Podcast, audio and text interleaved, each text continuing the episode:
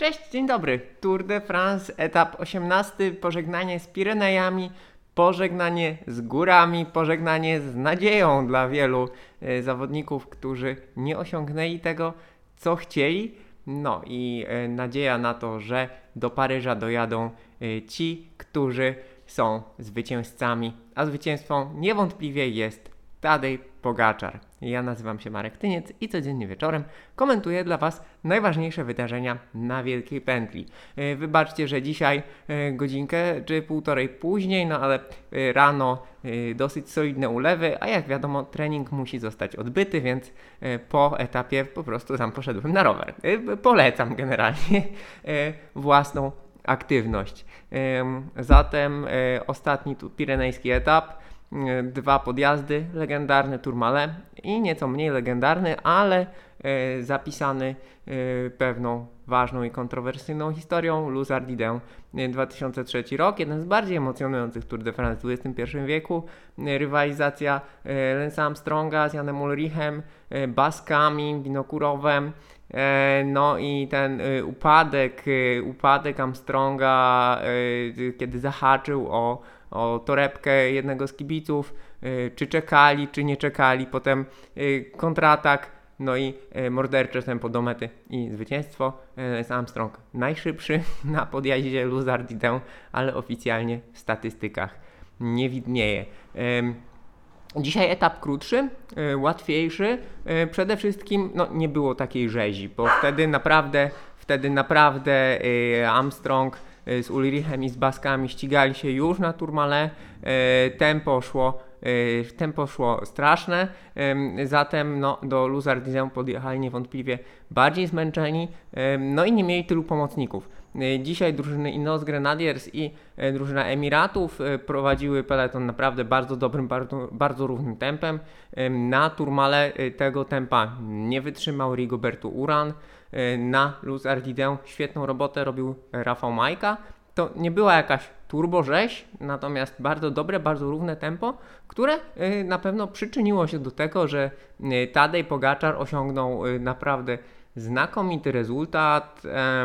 zaledwie, słuchajcie, zaledwie y, 7 i 5 7 i 5, 12 sekund wolniej niż Armstrong w tym słynnym 2003 roku. E, Trzeba właśnie pamiętać, że Armstrong tam leżał i chwilę e, czekali. Bardzo dobry czas. Prędkość, e, prędkość podjeżdżania Pogaczara, już sobie patrzę w moją magiczną tabelkę, którą przygotowałem, 1630 metrów na godzinę na tym ostatnim podjeździe, co przekłada się na około 6 watów na kilogram. To jest sama końcówka wielkiego turu. Ważne jest to, e, bo oczywiście, e, jeżeli mówimy, że Pogaczar pojechał prawie tak samo szybko jak Armstrong, to wszystkim zaświecają się pewne żaróweczki. Trzeba pamiętać, że po pierwsze Pogaczar no, nie był sam, E, to znaczy tuż za nim byli Winegor i, i, i Carapaz, niedaleko za nim Henrik Mas, także niedaleko kontratakujący z tyłu Dan Martin, zatem ten poziom był bardzo wysoki. W, w ogóle, Yy, więc yy, no i właśnie to doprowadzenie, to doprowadzenie do, yy, do mety r- również, yy, również wpływa na to, że ten rezultat jest taki dobry, co nie zmienia faktu, że jest że jest świetny, tak? Dla porównania, dwa ostatnie podjazdy y, na dwóch ostatnich górskich etapach Giro d'Italia, e, czyli Alpe d'Imera i Alpe Motta, one były trochę krótsze, one były po 10, e, po 10 minut krótsze, e, natomiast tam zwycięzcy byli, słuchajcie, nieco szybsi. Tam zwycięzcy byli nieco szybsi, o około na Alpe Motta Bernal 1676 e, metrów na godzinę, czyli szybciej niż tutaj Pogaczar, a e, na Alpe d'Imera Yates w ogóle ekstremalnie szybko e, 1807. Zatem e, tak naprawdę o dziwo, mimo to, że Giro w ogóle miało większe przewyższenie i było e, fizycznie prawdopodobnie cięższym wyścigiem, no to na Tour de France na tym ostatnim podjeździe tempo nieco niższe niż na Giro d'Italia i to jest pewne zaskoczenie. Dużo się działo poza tymi suchymi danymi, ale one, ja je podaję po to, żeby pewne rzeczy wytłumaczyć, żeby łatwiej nam wszystkim było zrozumieć, co się dzieje na etapie, dlaczego pewni zawodnicy podejmują takie, a nie inne decyzje, e, czy mogą jechać szybciej, czy nie mogą jechać szybciej. No ewidentnie, ewidentnie trudy całego wyścigu dawały się już wszystkim we znaki. No, przegranym dzisiejszego dnia e, Rigoberto Uran. Ciekawie wygląda, ciekawie wygląda sytuacja przed czasówką, ponieważ Ben O'Connor i Vico Kelderman e, ich dzieli e, nieco tylko ponad 30 sekund. Tak naprawdę pierwsza trójka jest ukonstytuowana i raczej nie powinna się zmienić, czyli Pogaczar, Winegor, Carapaz. E, Team Ineos jechał tak, e, jakby miał lidera, ale, ale jakby chciał wygrać wyścig. E, chcieli wygrać drugie miejsce, nie udało się, no ale mają zawodnika na podium. Po Eganie Bernalu na Giro d'Italia mają Carapaza na Tour de France na trzecim miejscu. E, myślę, że Carapaz mimo wszystko będzie zadowolony. Na podsumowanie oczywiście przyjdzie czas, natomiast, natomiast no, mają, mają podium.